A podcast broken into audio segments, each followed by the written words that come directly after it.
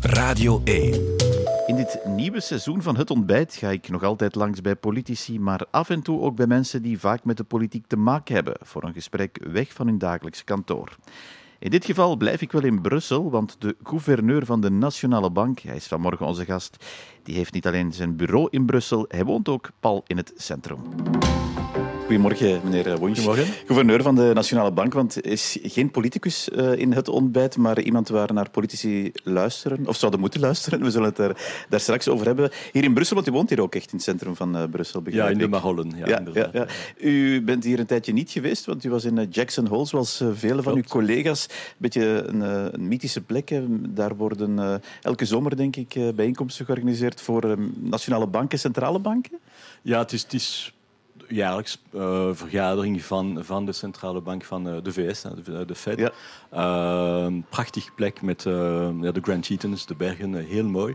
Maar ook heel interessant met ja, de top van de, van de top van de academische ja. wereld. In de en daar worden dan serieuze besprekingen gedaan. En dan zie ik van u een filmpje waar u leert lasso werpen daar. Ja, maar dat, ook dat, ja, maar dat is wat ook uniek is aan, aan Jackson Hole. Het is echt la crème de la crème van de academici en, en centrale bankers in de wereld.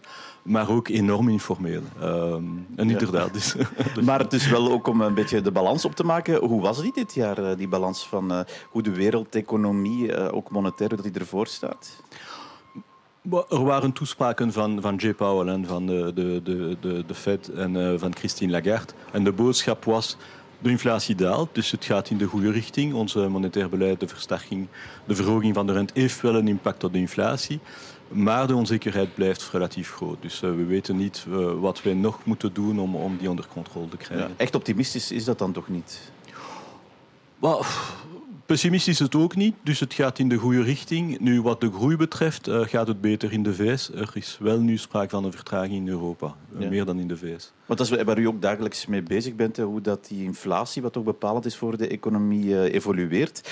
Uh, ook in ons land hebben we zagen deze week, die, die blijft toch hoog. De mate waarin het leven duurder wordt, 4% echt, echt verder zakken, doet dat niet? Is dat, is dat ja, toch niet wat zorgwekkend? We komen van bijna 12 procent. Ja, we zijn aan 4% dus opnieuw het, het, gaat in de goede richting. De hele vraag is, oké, okay, hoe lang zal het nog duren voordat wij structureel terug naar 2% gaan? Want dat is het streefdoel, die 2%. Ja, inflatie. inderdaad. En, en, en die inflatie, en we zien dat in de VS, we zien dat in de VK, we zien dat in Europa, is uh, hardnekkiger dan wij dachten. En dus misschien zullen wij in een beetje meer moeten doen op niveau van, uh, van de rente. Dus de rente een beetje meer moeten verhogen. We, we, weten het niet. Om, om dat onder de controle te krijgen. En het is moeilijk, omdat tegelijkertijd zien wij in de, in de kwalitatieve indicatoren dan dat de groei daalt uh, in Europa. Was zelfs negatief in Nederland uh, recent. Ja, dus het is, het is, allemaal heel gevoelig van wat er gebeurt. Over die inflatie zelf, die, die is toch nog altijd 4%. Die komt inderdaad van meer dan 10%, maar veel te hoog. Wanneer verwacht u dat die echt significant terug zal zakken tot het niveau waar, waar u het dan graag heeft, die 2%? In, in België in feite uh, zou die negatief kunnen zijn tegen het eind van dit jaar, maar tijdelijk. En dan verwachten wij dat die opnieuw naar 4% gaat in 2024 en dan uh, opnieuw uh, daalt. Maar wat monetair beleid betreft is het van belang wat, wat er op, op Europees niveau gebeurt.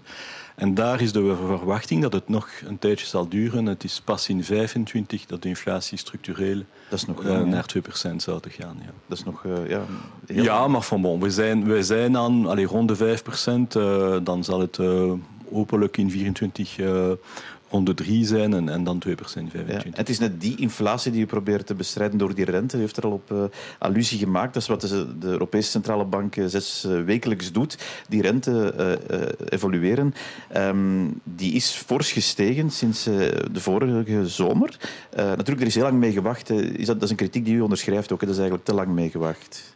Maar dus de, de, rent, de marktrente is fors gestegen. De, de, beleid van, van de mhm. Fed en van uh, de Europese Centrale Bank. En de vraag is hoe snel uh, kan de rente ook stijgen voor uh, de deposito's. En die kan wel stijgen. En ik heb al in februari gezegd, die, die kan zelf een beetje ja. sneller stijgen. Maar men moet, moet wel begrijpen dat de banken hebben veel hypothecaire leningen verstrekt. Ja, maar dat is voor de banken, voor de centrale bank, de beleidsrente ja. van de centrale bank. Die is ja, inderdaad. En dan is, sorry, en dan is de vraag, ja, moeten wij meer doen.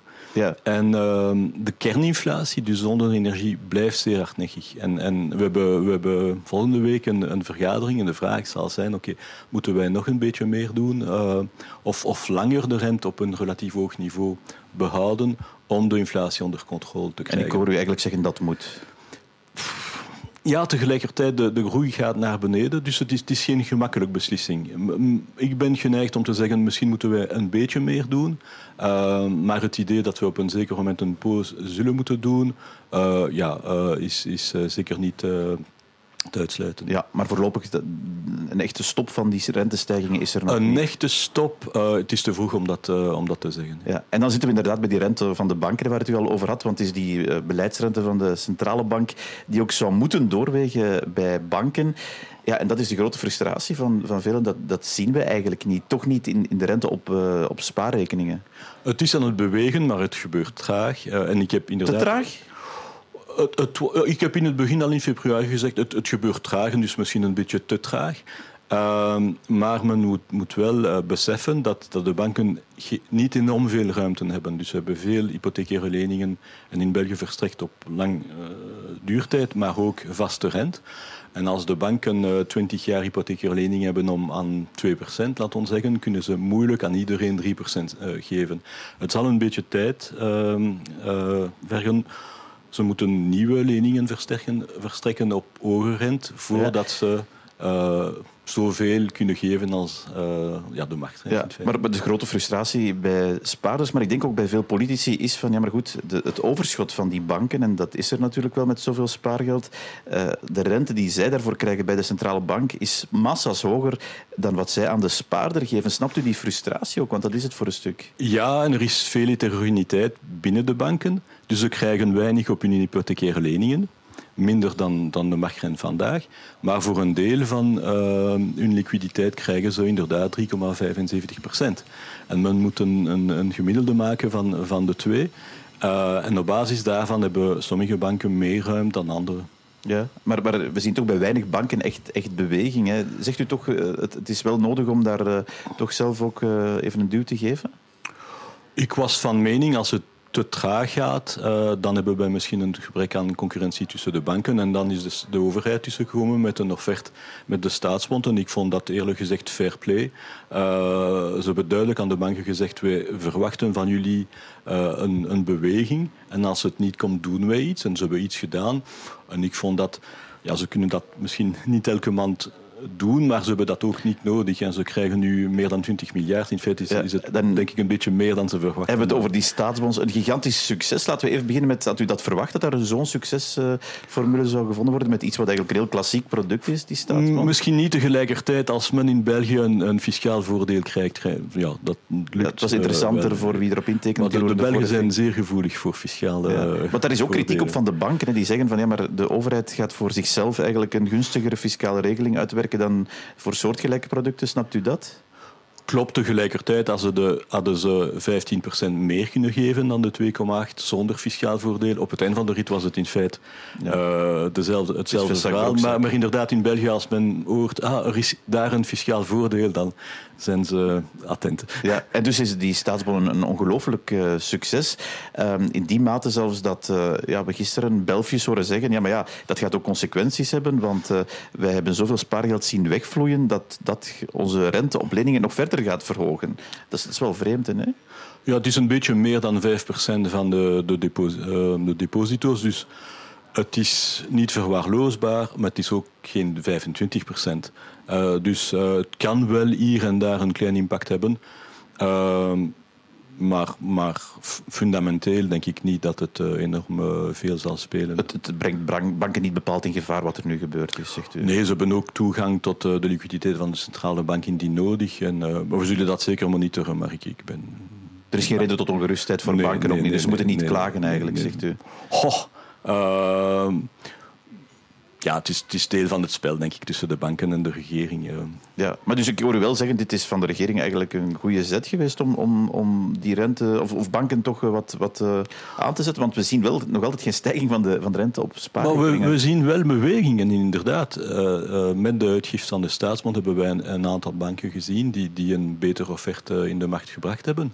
En, en, dat is duidelijk wat de regering aan de banken uh, gezegd had. Wij verwachten een zekere beweging. Maar opnieuw, uh, het gaat om een goed evenwicht te vinden. De banken kunnen geen 3% aan alle klanten vandaag aanbieden. Ze, ze hebben te veel uh, hypothecaire leningen met een relatief lange, uh, lage rente om, om dat te kunnen doen. Ja, want u hebt de voorbije maanden ook namens de regering voorstellen bekeken om, om die rente op spaarboekjes, om die wettelijk te verplichten, te koppelen aan die rente van de centrale bank. De Nationale Bank zei altijd nee, liever niet. Hè. Is dan dit een betere optie, die staatsbon, om dat zo wat aan te zetten? Maar we, we hebben dan een, een, een stresstest gedaan van wat zo'n wettelijk initiatief zou kunnen geven. En inderdaad, in uh, omstandigheden was het gevaarlijk voor de financiële stabiliteit. En we hebben dat aan de regering Om die rente te koppelen aan de ECB-rente. Ja, ja, ja, en we hebben dat aan de regering gezegd. Uh, we hebben de, de berekeningen gemaakt en we hebben dat zeer transparant gezegd. Ik ben ook naar het parlement gegaan, drie uur denk ik, om uitleg te geven. En ik denk op het eind van de rit hebben we dus dat goed begrijpen. Het is zeer technisch, maar als we de tijd nemen, drie uur in het, bij het parlement, uh, hebben wij onze boodschap kunnen geven. Die staatsbond, daar kan u zich dan meer in vinden als, als middel om toch wat de druk op te voeren? Ja, ik denk inderdaad dat dat de bedoeling was, om aan de bank een duidelijk boodschap te geven. Nu, uh, de thesorie heeft nu bijna te veel geld op korte termijn. Dus uh, die, ik denk niet dat het vatbaar voor uh, herneming is, of zeker niet 20 miljard elke maand. ze, hebben dat, ze hebben dat ook no niet nodig. Nee, dus u zegt deze oefening, die staatsbon op één jaar, niet herhalen?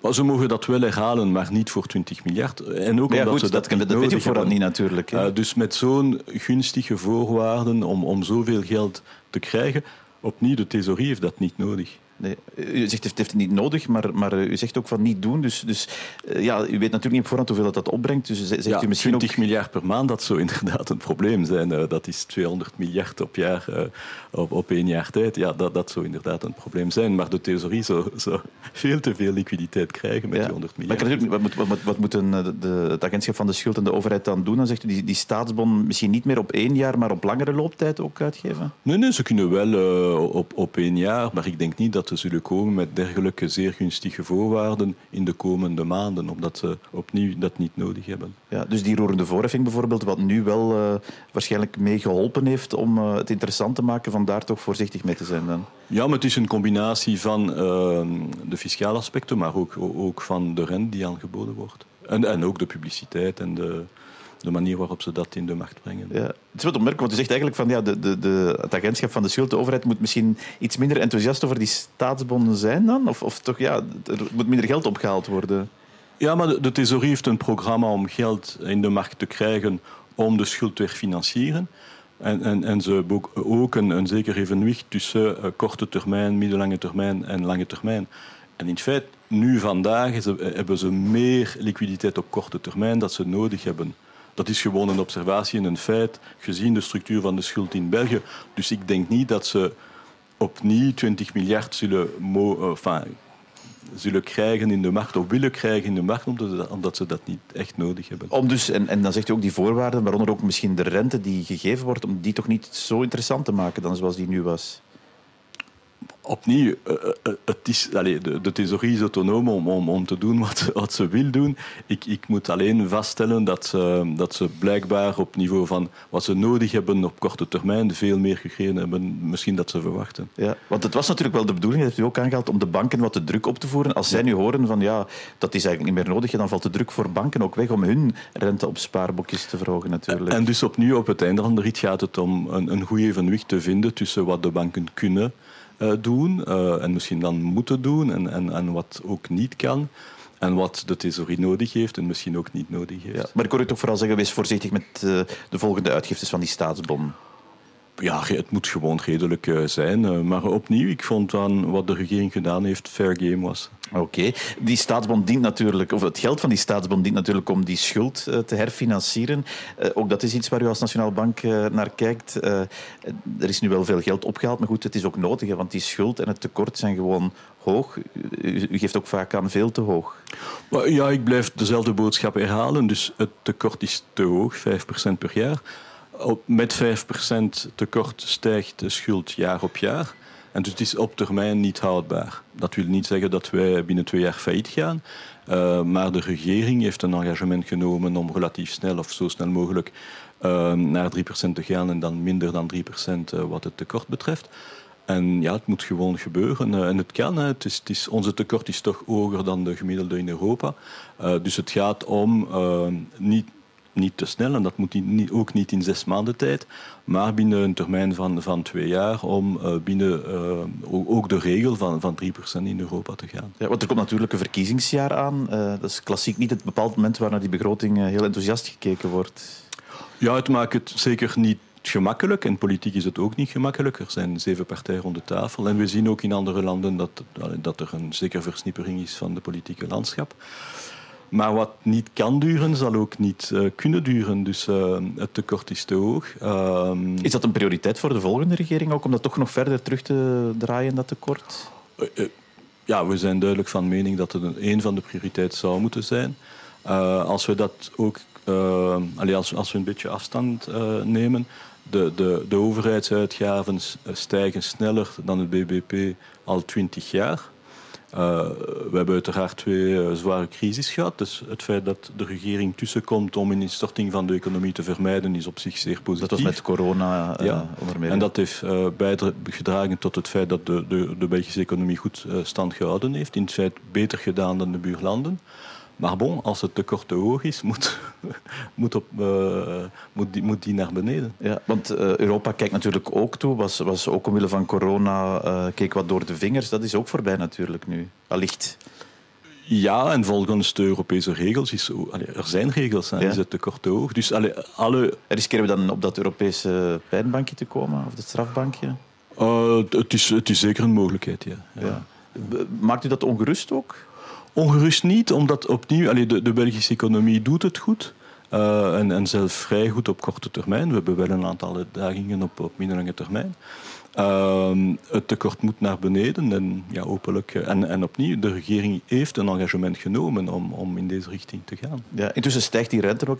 Tot slot, dat is natuurlijk ook consequenties, want het wordt ook veel duurder om dat uh, tekort en die schuld om die af te betalen of te herfinancieren klopt. En, en, en de reële rente, dus eh, gecorrigeerd door inflatie, was heel laag. Maar als we blijven de rente bekijken en, uh, in vergelijking met de inflatie, die blijft historisch relatief laag. Hè. Als mhm. we kijken naar de, de tien jaar uh, in België, Bon, met een inflatie van 2%, een rente van 3%. We, we willen naar 2% gaan voor inflatie. Dat is een reële rente van 1%. Het is niet enorm hoog. Het blijft beneden de groeipotentieel van onze economie. Dus op zich, het, ja, het, blijft, uh, het blijft een relatief gunstige omgeving. Maar wel waakzaam blijven, dat hoor ik u ook zeggen. Blijven, en vooral zeker. naar die begroting, dat tekort kijken. Het is een boodschap van u, uh, meneer Woens, gouverneur van de Nationale Bank, voor uh, de politici die misschien aan het luisteren zijn of die dit anders wel op een andere manier zullen horen. Dank u wel voor dit gesprek op deze zaterdagochtend. Graag gedaan.